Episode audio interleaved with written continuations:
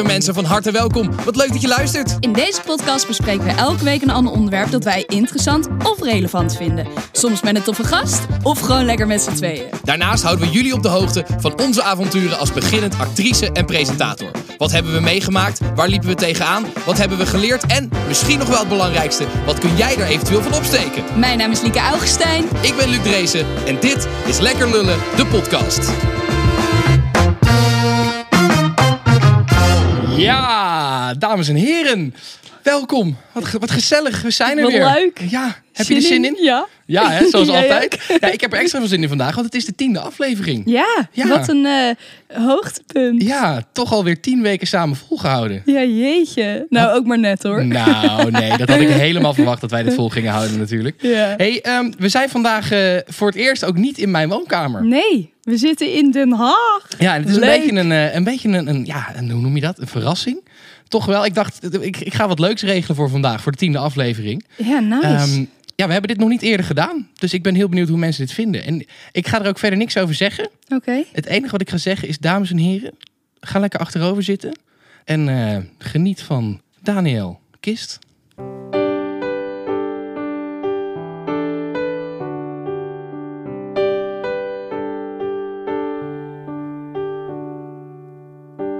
In een onbekende stad, op een lentedag in mei, zie ik twee mensen arm in arm.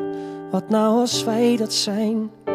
Heb je koffie al gezet? Dan kom je nog gewoon op tijd, samen net te laat uit bed. Wat nou als wij dat zijn? Ben misschien een dromer, maar wacht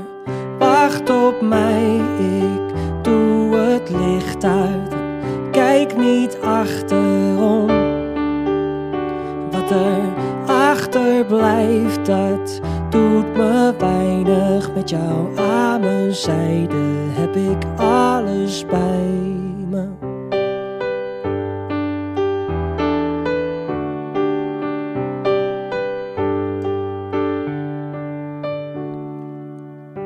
Eerste ruzie net gehad. Ik gaf jou gewoon gelijk. Ben al vergeten wat het was. Wat nou als wij dat zijn? Je mascara uitgelopen, stil te huilen toen ik zei: Voor mij ben jij nog steeds de mooiste. Wat nou als wij dat zijn? Ben misschien een dromer, maar wacht op mij. Ik doe het licht uit en kijk niet achterom. Wat er achterblijft, dat doet me weinig. Met jou aan mijn zijde heb ik alles bij me. Da da da. Da da da da. Da da da da da. Kijken samen door de ruit, staan te wachten op het plein. Want de kleine is zo uit, wat nou als wij dat zijn? Maar mij, ik doe het licht uit en kijk niet achterom. Wat er achterblijft, dat doet me weinig. Met jou aan mijn zijde heb ik alles bij me. Da da da.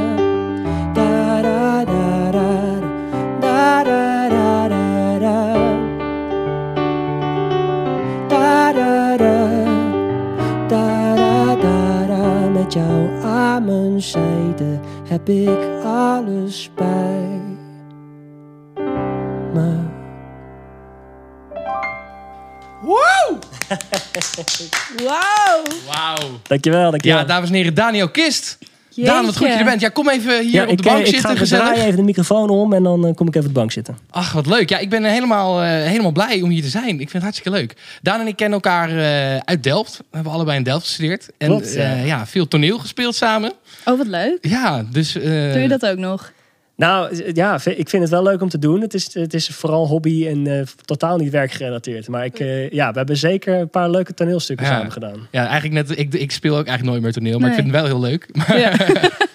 Ja, nee, eh, Daan, vertel even, wie, wie ben jij voor de mensen die luisteren en jou nog niet kennen? Ja, nou allereerst super bedankt eh, dat jullie helemaal vanuit Amsterdam, toch? Ja, Eh, naar Den Haag zijn gekomen. Eh, ja, ik ben Daniel Kist. Ik ben eh, muzikant, artiest, eh, content creator en wat voor spannende titels daar ook alweer bij horen.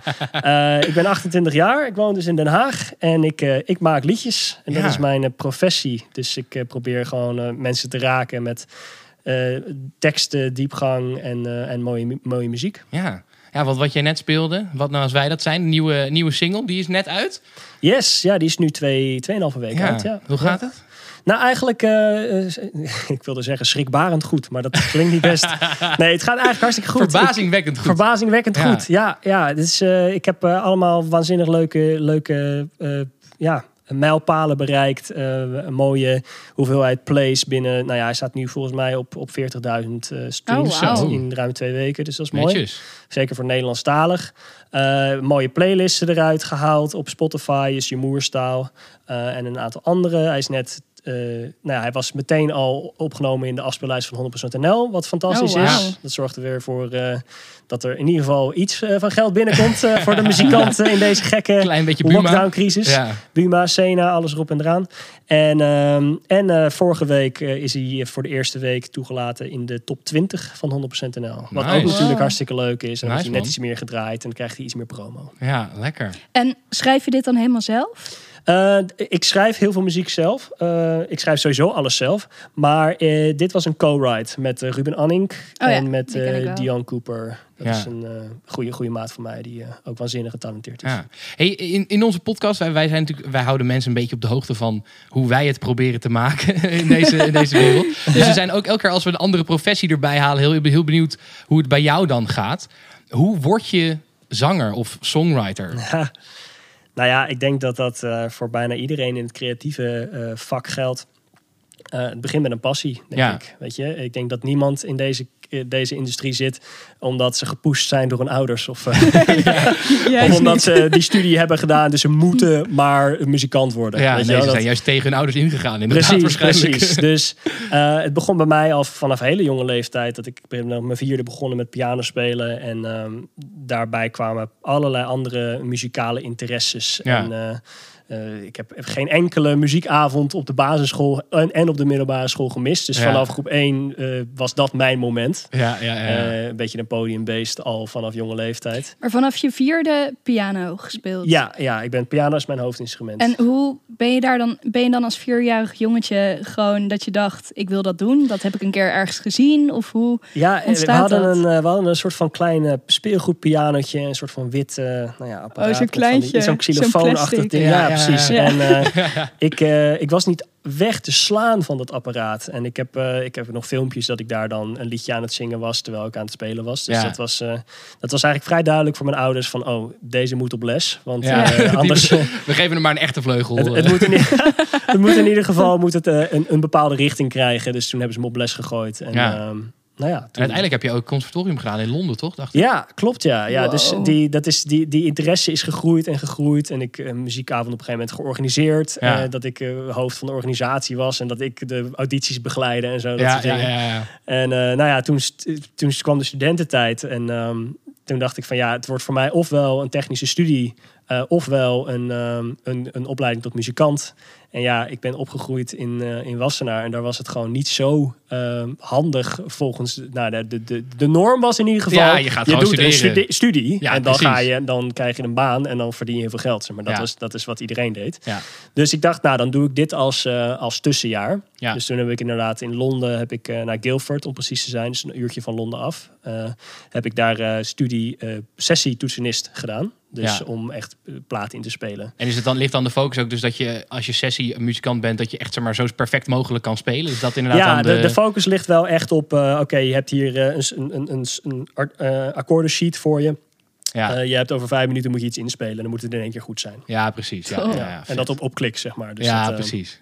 Nou ja, dat, daar, dat is mijn opleiding geweest en dat heb ik een jaar gedaan. Ja. Eh, want dat was een HBO, eh, iets wat ik in een jaar kon afronden. En dat, was, nou, dat, dat kwam voor mij perfect uit, want dat is dan een, weliswaar een gap year, maar ik heb ook daadwerkelijk wat geleerd. Ja, precies. En toen Beter dan ja. een jaartje in Ba- Bali zitten. Nou. en, eh, Nou, jezelf, jezelf ontdekken is natuurlijk ook heel erg belangrijk. hè? Dus, eh, nee, maar dit was voor mij een veel betere manier om mezelf te, leren- te, te leren kennen. Van wat, wat Ja. wil ik nou uit mijn muzikale carrière halen? Wil ik een muzikale carrière? Ja. En eh, nou ja, dat verwaterde er eigenlijk al vrij snel toen ik terugkwam in, in Delft. Daar heb ik wel ongeveer elk studentenbandje geprobeerd. eh, of in ieder geval uitgespeeld die ik kon ja, doen. ik heb jou regelmatig eh, zien spelen op de feestjes waar ik was. Ja, ja, ja, ja, ja. Toen, altijd, altijd als, toets- als toetsenist. Ja. eh, nooit echt als zanger. Wanneer kwam dan het moment dat je dacht, oké, nee, fuck it, ik ga er echt voor? Ja, ja dat, is, dat is apart. Ik, ik, ik, ik had drie maanden in Zuid-Afrika gezeten voor een, een project om drones te ontwikkelen tegen de neushoornstroperij. Ja, hoe heette dat ook alweer? Eh, Dragonfly. Dragonfly, dat was het, Dragonfly. ja. En dat was, eh, dat was een periode van drie maanden. En ik kwam terug en ik werd gevraagd door onze opdrachtgever van...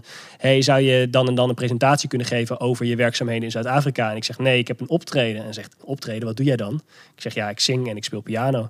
Oh, oh, oh, dan moet je een vriendinnetje van me leren kennen. Dus zodoende eh, werd ik opeens de, dag, de volgende dag opgebeld door een of andere dame. En eh, die vond dat ik maar auditie moest komen doen. En ze wilde nog niet vertellen waarvoor. Maar mijn, mijn insteek is, elke auditie, auditie is mooi meegenomen. Ja, gewoon doen. Ja, dat, precies. da- daar leer je iets van. En los van of je het gaat doen, wat het dan ook is, eh, is het gewoon eh, jezelf in het diepe gooien en een, Ja. eh, be- een, beetje, ja, een beetje jezelf challengen. En com- Ja. comfortabel worden ook in die situatie dat je beoordeeld wordt. Ja, en ja. je naam weer ergens achterlaten. Precies, precies, precies. En voor mij, weet je, ik zat vast in die studentenscene. Dus het voor mij, ik zat sowieso helemaal niet te kijken naar een professionele muzika muzikantencarrière. Want ik had een Ja. bedrijfje en ik deed een studie. En ik dacht, dat, dat zal het dan wel worden. Ja. En dit bleek een scout voor The Voice te zijn. ja. Dus toen heb ik meegedaan aan The Voice of Holland. In, wanneer was het ook alweer? 2015. 2015. Ja, het seizoen van Maan. ja. Dus ehm, zo, tussen, zo, zo herkent bijna iedereen dat seizoen wel. Het seizoen van Maan. Want Maan is, eh, is natuurlijk nog een hele grote artiest. op dit moment. Zeker, ja. Dus eh, nou ja, na, ik, dacht, ik, ben, ik, ik dacht, ik ben toetsenist. Ik ga, dit gaat niks worden. Ehm, maar ik dacht, weet je, ik ga het wel alles geven. Maar Zo dat is ook niet helemaal waar. weer. Want ik, ik, ik, weet nog, in die tijd speelden wij samen het toneel toen jij aan de Voice mee ging doen. En toen al stond jij bekend als de jongen met de golden pitch die gewoon altijd eh, van, van heel laag tot heel hoog alles perfect kon, kon zingen. Nou, Dus, nou, dit is niet helemaal waar. Want ik, eh, dat, d- dat, was, dat, dat was zodra ik al met de Voice mee had gedaan, dat dat gebeurde. ja, maar daarvoor, daar, toen, in mijn eerste jaar, in 2013, speelde jij de hoofdrol in, eh, in Rent, speelden we toen. Ja, maar ik was, ik was toen kon niet... jij toch ik, zingen? ik kom, ja, maar we zaten in een studentenvereniging. Eh, ik ben, dat wil niet zeggen dat je, dat je meteen het Nee, nationaal oké, niveau maar, aan voor, kan. maar voor de mensen om ons heen ja, kon ik jij kon, ik kon, goed ik kon prima zingen. Ja, ja laten, we, het zo zeggen, ja. Je bent beter Ja. geworden, oké. Heb je nou bij The Voice dan veel geleerd? Want ik kijk daar altijd naar en dan denk ik, in hoeverre word je eigenlijk gecoacht? En, en Ja, dan moet ik even heel goed nadenken wat ik wel en niet mag zeggen. maar eh, de ene coach is, is wat eh ja, Betrokkener dan de opbouwender, ander ja, misschien. opbouwender en betrokkener dan de Ik denk dat we mogen stellen dat Leeuw Kleine niet heel veel tips gaf in real life. dat, dat is na mijn eh, seizoen Dat geweest. weet dus dat dat zou weet, ik weet niet weten. Daar kan je helemaal niks over zeggen. Ik heb- dus daarom ik zeg ik het. Dat is, Heel goed. Ik heb daar geen idee van. maar kan je zeggen dat je veel geleerd hebt bij The Voice? Ik heb eh, heel veel geleerd bij The Voice. En eh, niet per se van The Voice, maar gewoon door het te doen. Het avontuur Ja. aan te gaan. Het is ook gewoon voor het eerst op een fucking groot podium. Groot publiek. Mensen die je gaan, gaan volgen. Mensen die je aanspreken. Miljoenen Ja. mensen die kijken naar je optreden. Dat is natuurlijk ook, dat is ook al een ervaring waar je veel van leert natuurlijk. Ja, voor mij was het, voor mij was het, ik wilde er drie dingen uithalen. Ik wilde, ten eerste wil ik eh, podiumervaring opdoen. Ja, Ja, want ik, ik had, ja, dat is gelukt. Ja, want je staat wel meteen op een van de allergrootste podia. eh, los van, weet je, er zitten 750 man in die zaal en je hebt vier coaches voor je bakkers. Ja. Maar daarnaast eh, heb je voor de Blind Auditions gemiddeld 2,5 miljoen kijkers Precies, volgens mij. ja. Dus dat is een vrij groot publiek. Ja, Daarnaast was het voor mij om een netwerk op te bouwen van zowel muzikanten als een following als ehm, nou ja, mensen uit de industrie. Want Ja. ja, je, hoe je het ook went of keert, eh, het, je wordt wel een beetje in de gaten gehouden natuurlijk. Tuurlijk. Weet je, er zijn zo, zo, zoveel management, scouts, eh, labels die toch wel een beetje de boel checken van hmm, zit daar wat tussen voor ons?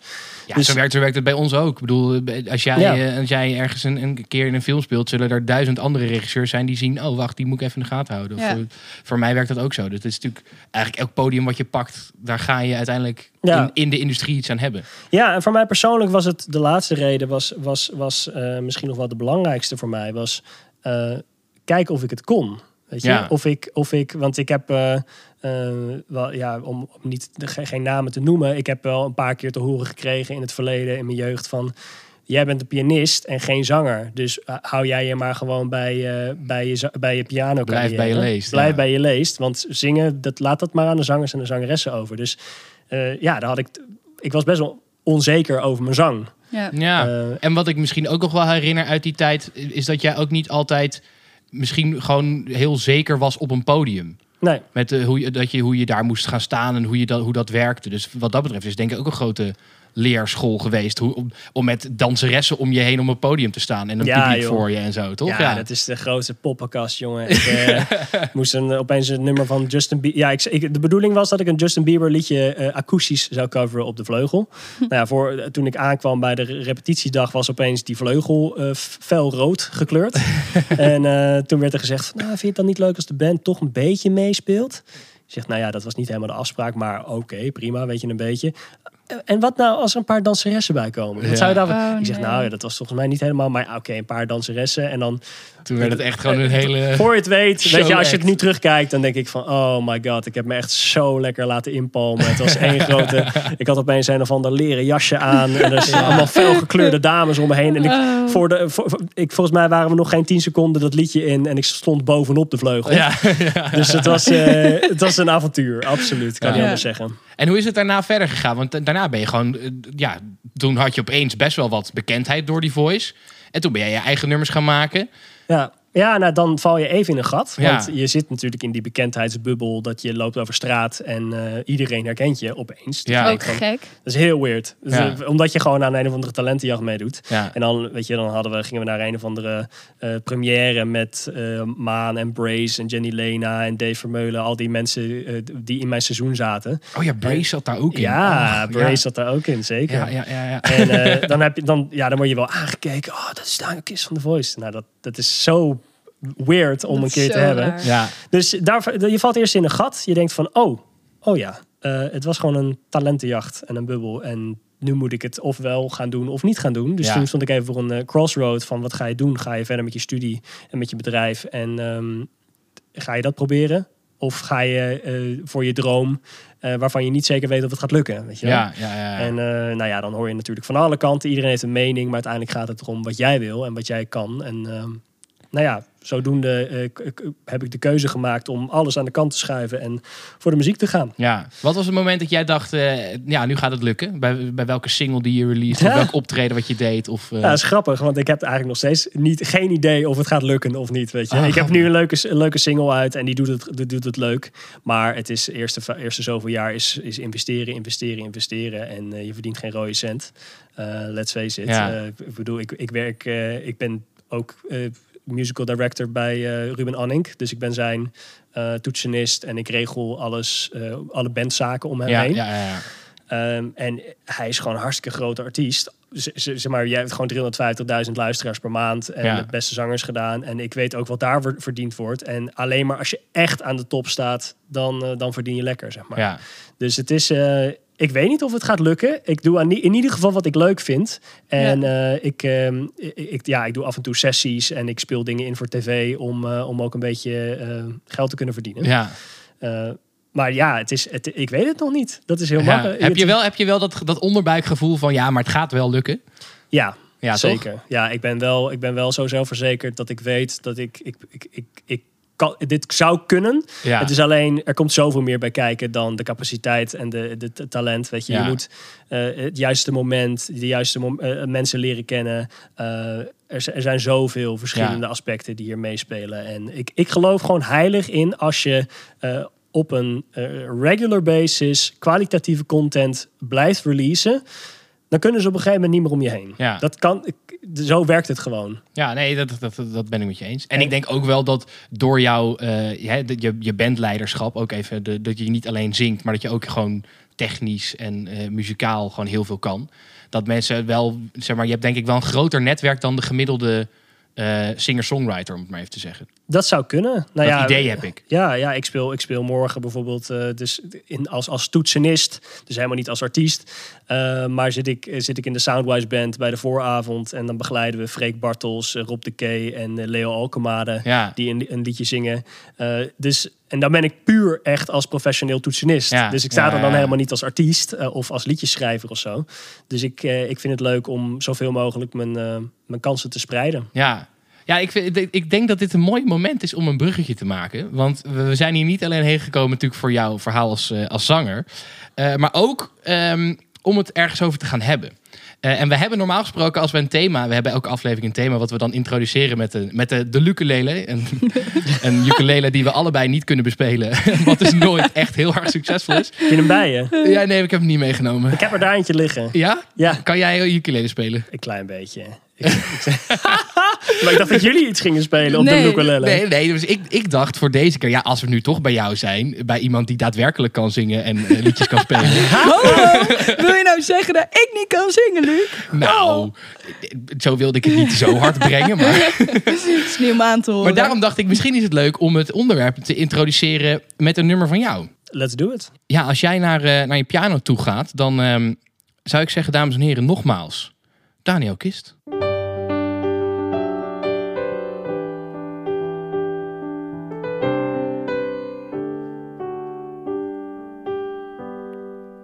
Sleutels kwijt, maar gelukkig staat de deur nog op een kier. Mijn ogen moeten wennen aan het donker. Mijn trui die stinkt naar rook en het is een uur of vier. Ik voel niets meer, dus heb genoeg gedronken.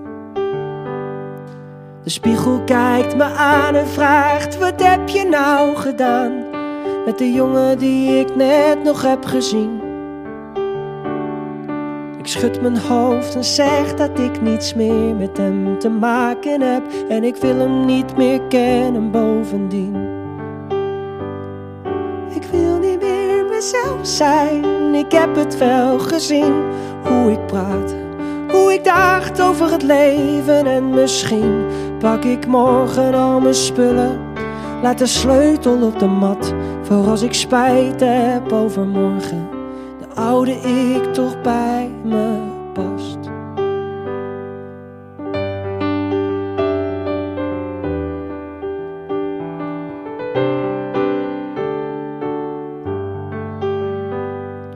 Je keek me aan en zei dat jij niet meer bij mij wil zijn.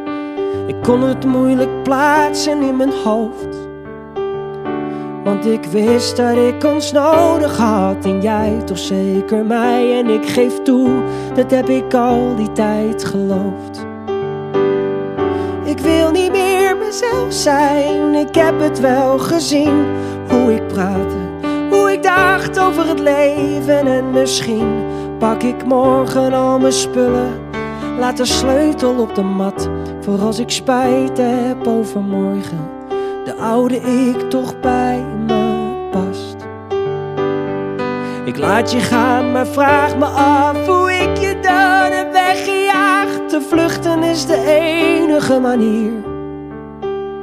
Ik val in slaap, het is al laat. Ik zie wel hoe het morgen gaat. Nu dromen hoe het is ver weg van hier. Ik wil niet meer mezelf zijn, ik heb het wel gezien. Hoe ik praatte, hoe ik dacht over het leven. En misschien pak ik morgen al mijn spullen.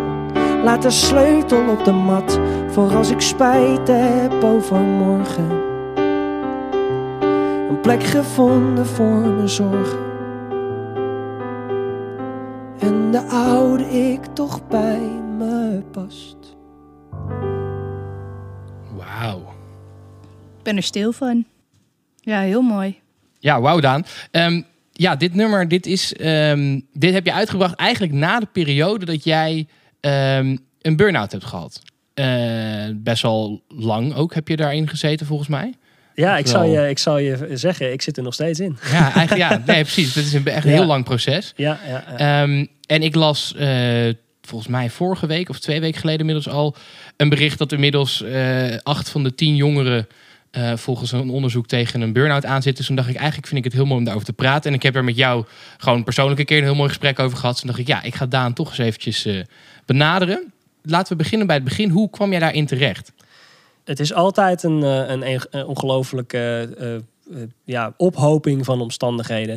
Ik Ja. denk dat niemand in een burn-out komt door één specifieke, specifieke oorzaak. Ja, in mijn geval ehm, was ik eh, sowieso heel hard aan het werk. eh, met heel veel verschillende dingen. Dus ik had heel veel balletjes hoog te houden. Eh, ja waar we het net over hadden eigenlijk. Jij was niet alleen aan het zingen, maar je was ook bandleider. Ik deed, ja, ook- ik deed alles. precies, Ik ja. deed- toen, toen het, when it hit me, eh, was ik inderdaad eh tourmanager, bandleider, eh backing vocalist, toetsenist en eh, ehm, technisch manager van Ruben Anning. Ja. Dus, eh, en hadden, hij was net, kwam net uit de beste zangers, dus we hadden echt eh, dikke tours eh, lopen. En ik was dus het, het aanspreekpunt van iedereen eromheen. En ik deed ook, voor, ook het voorprogramma. Ja. Dus, ja, nou, precies. dus ja. dat, dat hadden we erbij. Daarnaast was ik een eigen plaat aan het maken. En die was ik net aan het pitchen bij allemaal, alle major labels. Ehm, ik had toen nog geen management. Dus ik deed alles zelf qua carrière. Ik was heel actief op social media ook. Ehm, ik was net met twee videoclips aan het eh, produceren in Frankrijk. En, ehm, maar wat voor mij... eh, ik denk dat een mens heel erg... eh, capabel is om keihard te werken. ja. Uh, maar er moet balans zijn. Dus als jij je thuissituatie gewoon helemaal je rust geeft en je balans geeft, dan kan je gewoon heel hard werken. Maar in mijn geval was ik mentaal niet helemaal in, op en top. En ehm, dat heeft ertoe geleid bij mij, in, in mijn geval, dat ik eh, op een gegeven moment niet meer verder kon. Ehm, en ook om de reden dat ik eh, dacht dat ik niet, niet nee kon zeggen. Ja. Ik, kon, ik, dacht, ik dacht, als ik, als ik stop, dan valt het hele kaartenhuis aan elkaar. Ja.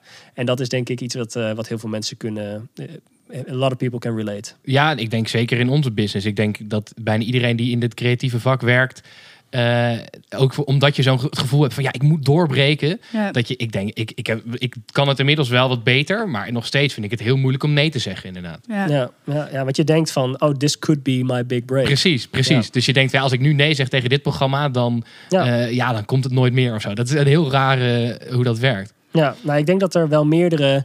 Ik heb erover na zitten denken. Want je, toen je me benaderde en je zei van... Ik wil, ik wil graag het hebben over burn-outs. En ook in, bij, creatieve professionals. Ehm, ik heb erover over na zitten denken. En normaal gezien is mijn antwoord ehm, dat de grens tussen hobby en werk heel erg klein is Ja. bij, in ons vak. Weet Ja. je, we vinden echt leuk wat we doen.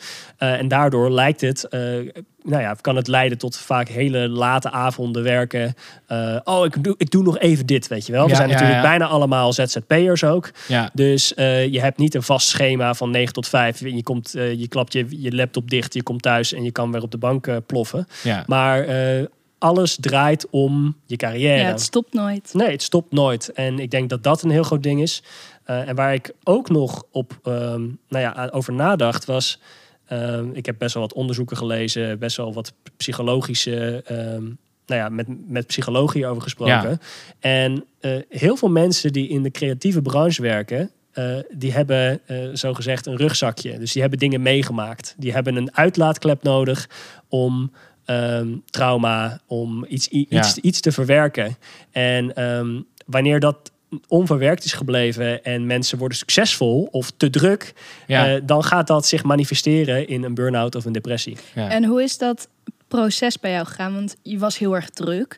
Dus je gooit het dan heel erg snel op, oh, ik heb het gewoon heel erg druk. Maar wanneer besefte je van, oké, het gaat eigenlijk echt niet goed met me? Ja, nou dat was. ehm, ik had toen eh, wel die tour gedaan van Ruben Anning. Ja. En eh, toen had ik eh, net aan het, de, de laatste dag van die tour hadden we gehad. En de volgende dag vloog ik naar New York voor vijf dagen. Een vakantie weliswaar. Maar ja, als je in New York bent, eh mensen die er zijn geweest. Nee, ja. Dan ben je gewoon de hele dag aan het lopen. Ja. En je bent alles aan het bezoeken. En je hebt een dikke jetlag van hier tot Tokio. En eh, Eh, ik, ik sliep slecht. En, eh, Je wil ook alles zien, dus je Precies, bent gewoon de hele dag kaart in de weer met een strak schema. Ja, En- ja, ja, exact. exact. weinig- dus weinig ik, vakantie Ja, ik kwam thuis daarvan en eh, nou ja, meteen weer door in een, eh, in een optreden ergens in het oosten van het land. En ik zag dubbel. En ik heb toen vijf mensen gebeld om te vragen van zou je me kunnen rijden? Want ik, ik weet niet of ik, want het was 2,5 uur rijden. Ja, ja, ja. Kan je me rijden? Want ik weet niet wat er aan de hand is, maar ik zie dubbel. En het lijkt me niet verstandig. Nou, uiteindelijk heb ik, eh, heb ik een uurtje geslapen. Geslapen, een, een, een, ja, een paracetamol erin ge- gedouwd en eh, een paar slokken water. En ik, ik kon wel weer. Ja. Nou, toen heb ik het zelf gereden en toen kwam ik s'avonds terug. En de volgende dag had ik nog een schrijfsessie in die maandag. Dat was de maandag na twee maanden. Absolute gekkenhuis. Ja. Eh, zowel thuissituatie als, ehm, als op werk. En eh, toen ben ik ingestort. Als in, ik kreeg... mijn stem was 's ochtends al weg. Ik kreeg koorts. Ik, was, werd gewoon echt ziek. Fysiek ziek.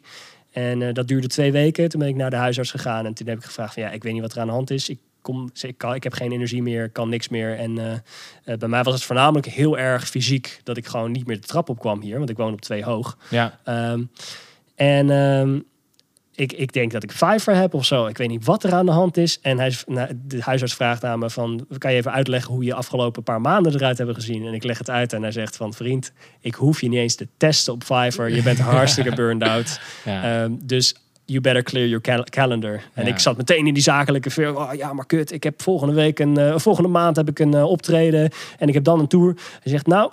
Dit gaat wel wat langer duren dan een maand. En eh, nou ja, het, we zijn nu een jaar en vier maanden verder. Ja, tering. Ja, dat is ook wat je zegt, is denk ik wel heel erg waar van mensen die een burn-out krijgen, zeggen dat bijna allemaal. Ik zag het niet aankomen. Als in, ik dacht gewoon, ah, ik ik ben gewoon even moe van het werken. Of ik, Ja, eh, ja. ik ben even te druk. Of het is dit of dat. voor mij was het ook heel ik erg. heb Fiverr. Ja, ja, ja. voor mij was het heel erg van ja, ik kan helemaal geen burn-out krijgen, want ik doe wat ik leuk vind. Ja. Ik burn-out hoor je toch alleen maar bij mensen die eh, in een baan zitten die ze niet leuk vinden. Maar dat is dus helemaal niet zo. Maar jij bent dus ervan overtuigd nu na afloop dat, eh, dat, je, dat je heel hard kan werken, maar dat dan echt de balans in je hele leven dus heel goed moet zijn. ja, en dat is op dat ja. moment bij jou dat er een trigger was in je privésfeer, waardoor Ja. je dan dacht, oké, dan gaat het gewoon niet. Dan lukt het niet meer. Ja, nou, de, ik kwam niet meer tot rust. Ik had ook stress eh, in mijn persoonlijk leven. Precies, ja. En ehm, ja, dan, dan, dan heb je niet meer die uitlaatklep. En dan op een gegeven moment dan laat je ook niet meer op. In hoeverre merk je het nog? Want je kan niet een jaar en vier maanden je hele agenda leeg hebben staan, toch? Nou, ik kan je vertellen, dat kan wel. maar dat heb ik niet gedaan. En dat, eh, eh, dat, eh, misschien is dat heel koppig. En daarom, misschien is dat ook wel de reden dat ik er nu nog steeds in zit. Want ik heb wel in de tussentijd muziek uitgebracht. Ik heb wel in maart, heb ik een, nee, in april heb ik een hartstikke fijne manager gekregen. eh, nou, gezocht en eh, Ja. dat klikte en hij doet een heleboel zodat het, het motor kan blijven draaien maar ehm, ik, ik leef een heel rigide schema op dit moment en eh, het is, ik moet me daar echt aan houden want als ik een keer de fout in ga en dat is meerdere keren gebeurd dan ben je gewoon een maand kan je niks Ja. dan zit je op de bank en dan tu- tuur je voor je uit. Eh, en dan, eh, dan is het gewoon klaar Maar je zei dat het voor, bij jou vooral op je fysiek sloeg. Ja. Ehm, en, en nu, als, als je dus dan zo'n soort terugval, noem ik het even. ja Als je dat hebt, Nou ja, ik heb eh, een, een, een, een maand geleden eh, had ik weer een trigger waardoor het even een stuk minder ging. En toen dacht ik, oké, tot hier en niet verder. Ik ben er Ja. helemaal, ik ben er helemaal klaar mee. Ehm, dus ik ga nu echt alles doen om, om er vanaf te komen. Want ik deed al een heleboel, weet je. Ik had eh, mijn meditatie en ik sliep... Ja, ja want dat wilde ik eigenlijk vragen. Van wat, wat, is de, wat heb je gedaan om toen... Ja. Hoe ga je daarmee om? Nou ja, wat ik nu heb gedaan is een maand geleden heb ik, heb ik het roer echt helemaal omgegooid. En ehm, ik heb alle social media verwijderd. Eh, en niet de accounts, want accounts zijn er nog. Maar eh, ik heb het allemaal van mijn telefoon afgehaald. Ja. Eh, ik heb mijn, eh, nou ja, eh, je vroeg er net al van waar is je televisie dan? Als die, Mhm. waarom staat hij daarboven? Ik, heb, eh, ik kijk niks meer. Ik kijk geen series meer, geen YouTube meer, geen films meer, geen niks. Eh, ik heb, en dan, nou dat is schrikbarend hoeveel tijd je dan over hebt een dag. Dat is bizar. Ja, ja, ja. De eerste twee dagen ah, zat ik echt op zeven uur zo op de bank. En ik dacht, ja, ik heb twee uur gitaar gespeeld. Ik heb twee, eh, twee uur audiobooks gelezen. Ik heb een middagdutje gedaan. Ik heb twee wandelingen gemaakt. Ik heb eh, uitgebreid gekookt en gegeten. En nu? Wat, en nu? Wat, Ja. wat moet ik met mijn leven nu? Ja. Dus je komt, je komt er dan wel achter van, holy shit, wat, hoeveel tijd spenderen wij wel niet op, op die Mhm. waardeloze apparaten, Ja. waardoor, we, waardoor we allemaal gebrainwashed worden. Ehm, en wat je ook weer de hele tijd triggert. Maar, ja, wat was het idee dat je het weg wilde halen? Ja, dat dat je dus dacht, het is, het is te veel stimulus of zo. Dat was de... Nou ja, eh, dat is eh, Burnout 101. Zeg maar, elke, elke zelfrespecterende psycholoog, eh, boek, podcast, die zeggen, eh, probeer je schermtijd te reduceren. Ja, Eh, want dat zorgt gewoon voor, voor stress. Ja, zorgt precies. voor extra stimuli, waardoor je, ehm, nou ja, eh, continu die kick, die dopamine kick, zoals Ja. dat heet, Ja. krij- blijft Ja. krijgen. En eh, het fucks you up. ja nee, ja, ja. en helpt het? Ja, nou ja, wat voor. Kijk, oké. Full disclosure. Eh, ik heb dus mijn social media en mijn televisie en mijn, eh, alle series heb ik ingeruild voor audioboeken. En niet eh, fictie, maar ik ben echt eh, hele goede self-help, personal development, Ja. spiritualiteitsboeken gaan lezen. En het- helpt absoluut dat ik de schermen heb, maar die boeken, dat, dat is voornamelijk het verschil voor mij op dit moment. En eh, dan moet ik toch wel even mijn, mijn, mijn favoriete boek, mijn Kryptonite, die het voor mij heeft gedaan, eh, waardoor ik nu denk eh, dat, ik er, dat ik er niet meer dezelfde fout in ga. Dat is Verslaafd aan Liefde van Jan Geurts. Fantastisch boek en dat heeft voor mij een heleboel recht gezet. Ben je, ben je ehm, ja, dat is misschien een beetje een gekke vraag, maar ben je bang voor, voor de burn-out? Ehm, nou ja, dat heb ik. Heb ik eh, ja, je bent altijd bang van hoe lang gaat het duren. Je bent bang voor, eh, oh, ben ik nu over mijn grens heen gegaan, Ja. weet je wel. Ehm, maar ja, dat is dus ook een van de clues. Is eh, op een gegeven moment moet je het, het, het, het resultaat moet je loslaten en je focussen op het proces. Dus ehm, ook al ga je eroverheen, accepteren dat je eroverheen bent gegaan en vervolgens je acties aanpassen. Ja, Ja. gewoon jezelf leren kennen op Ja, deze ja, ja. En, en, en vooral dat, dit- dat, dat, dat acceptatietraject is gewoon zo belangrijk. Dat je niet op jezelf boos wordt. Dat je, want dan ben je boos omdat je je weer over de grens bent gegaan. En Ja. dan kom je in een visueuze cirkel. visueuze een- cirkel die grenzen ga je natuurlijk niet heel duidelijk bewust over. Als in, jij denkt waarschijnlijk op dat moment, oh, ik kan dit klusje Ja, wel even doen. wel dat kan wel. Ja. En dan kan het toch niet. Ja, dat is inderdaad, eh, als je dat uiteindelijk gaat accepteren dat dat kan gebeuren. Dan, Ja. ja. Nou, En- jij, ja. Wat, wat doet de... Sorry, ik heb heel veel vragen. ja, dan ga alsjeblieft Ehm, door. Ik maar wat doet de burn-out precies met je hoofd? Maakt het je heel erg moe? Maakt het je gestrest? Eh, loopt het gewoon over je gedachten?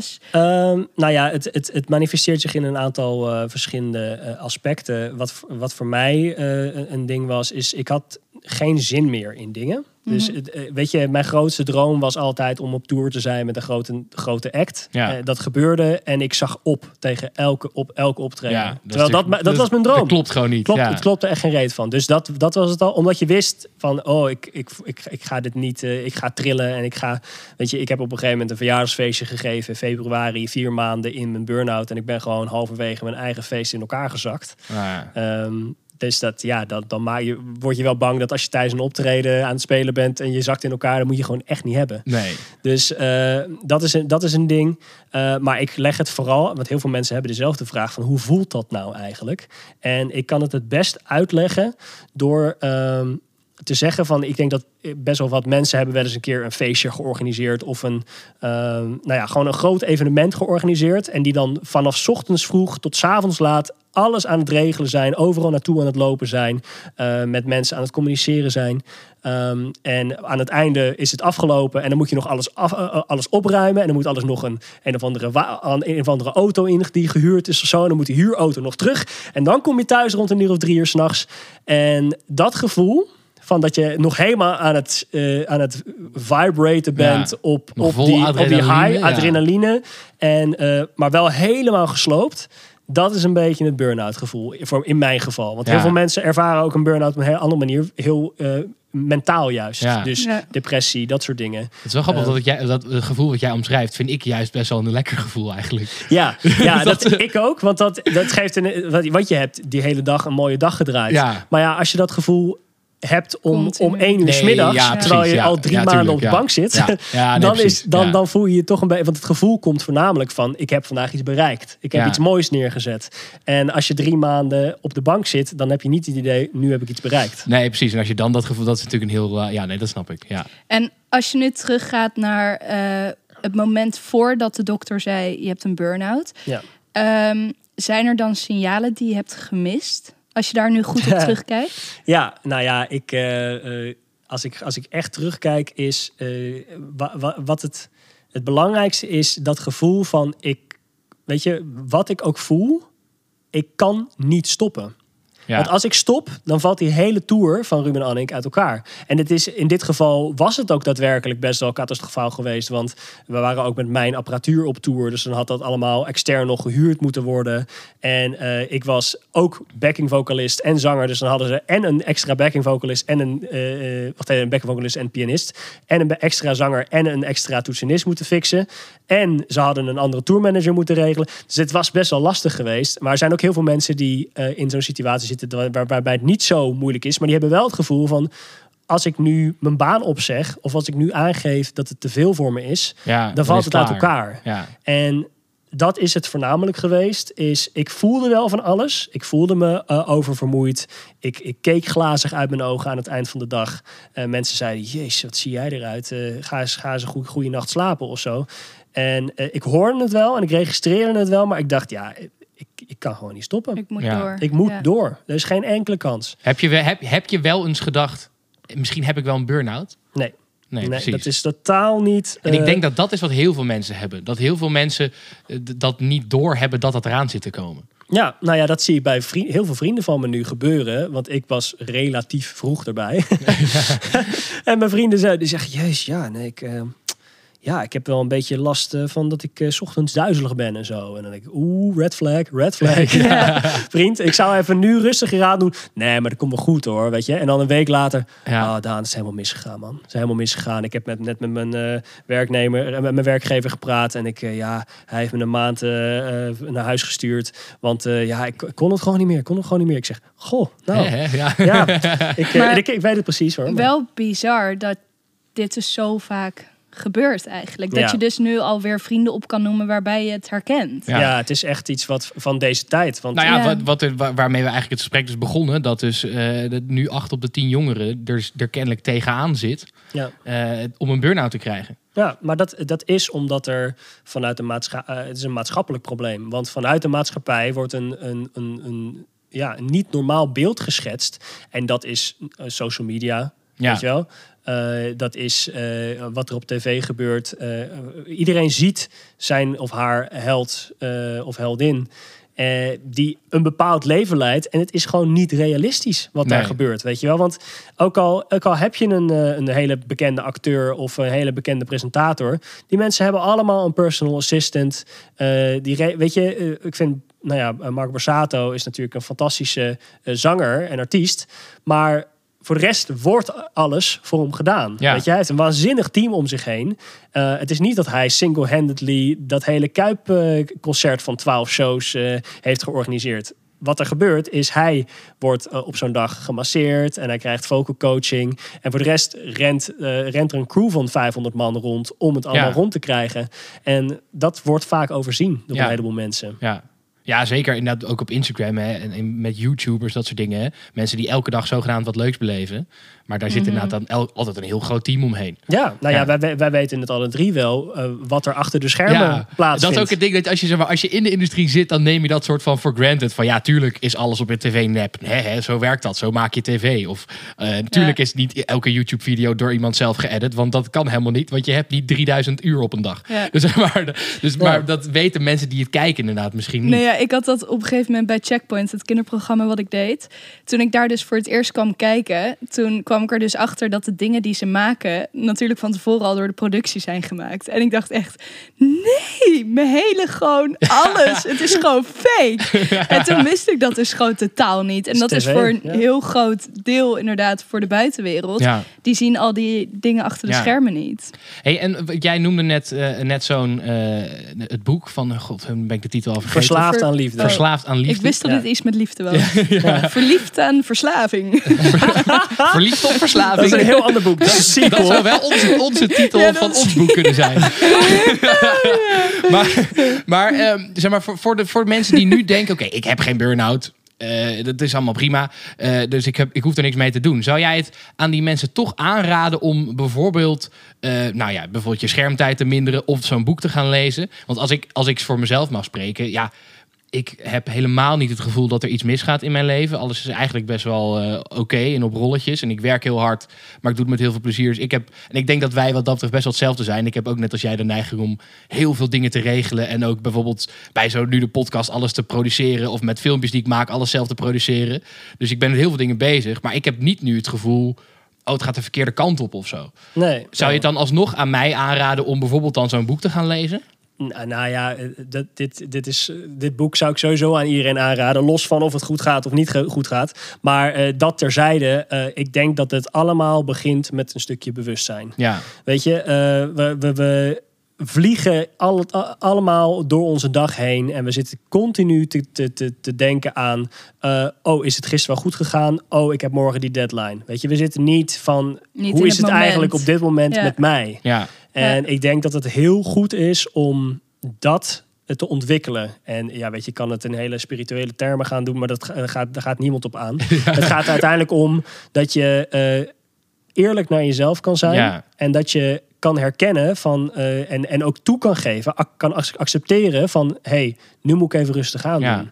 En ehm, heel veel mensen kunnen dat niet. Ja. Dus het begint gewoon met een stukje bewustzijn. Ik denk Ja. dat dat het belangrijkste is. denk je dat dat een hele mooie is? Ja, dan vind je er gewoon een goede weg in. Ja, uiteindelijk. ja let's, let's face it. Weet je, er is in principe heel weinig mis met ambitie en met hard werken. Eh, het is alleen zodra de balans weg is, Ja. dan, eh, dan gaat het mis. Dus eh, volg ook vooral de cues van andere mensen. Want Ja. mensen die jou goed kennen, die, weet je, ik kreeg allemaal cues van buitenaf. Mensen die zeiden, jezus, wat zie jij eruit? ja, ja, ja. Oh, jou, eh, je, je ogen staan helemaal, helemaal scheef. Eh, je, je, je kijkt glazig uit je ogen. Eh, Ja. Ik heb het idee dat je er niet helemaal bij bent.